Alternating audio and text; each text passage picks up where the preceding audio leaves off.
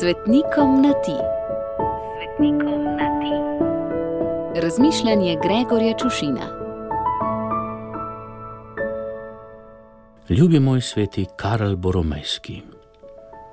Tvoja življenjska zgodba je osupljiva in se bere kot življenje kakšnega sodobnega menedžerja, podjetnika, znanstvenika, pop zvezde, skoraj kot življenje Steva Jobsa. Rodil si se v 16. stoletju. Pri devetih letih si izgubil mamo, pri dvajsetih še očeta, potem ko si sedemletni študij končal z dvojnim doktoratom. K sebi te je povabil in vzel stric po materini strani, papež Pi IV. In tako si komaj 22-leten postal kardinal in milanski načkov. Osupljivo. Toliko bolj, ker sploh nisi bil duhovnik. In tako si lajčno mladosten in mladostno lajčen postal papežov svetovalec, tako rekoč papež v senci. In na tvojo pobudo je bil ponovno sklican in leta 1563 dokončan tridentinski crkveni zbor.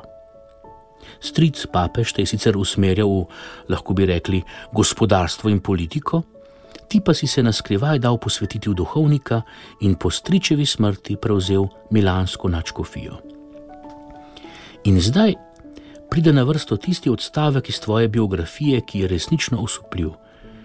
Piše, najprej je napravil red v načkofijskih uradih, potem pa je obiskal čisto vse župnije v svoji prostrani načkofiji.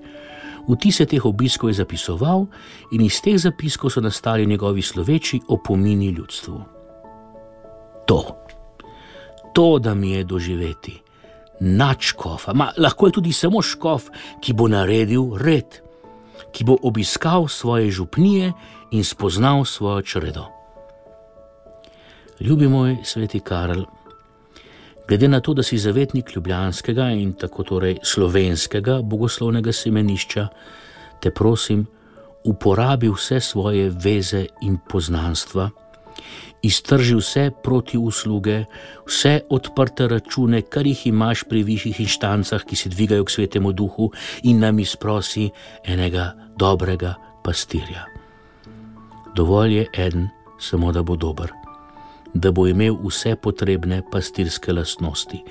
Vse imamo pastirje, ampak eden bi samo žvižgal, drugi bi ovce samo strigal, tretji jih zapira v ogrado in hlev, medtem ko četrti pohajkuje, trdeč, da išče izgubljene, peti vihti palico, medtem ko šesti tuli z volkovi.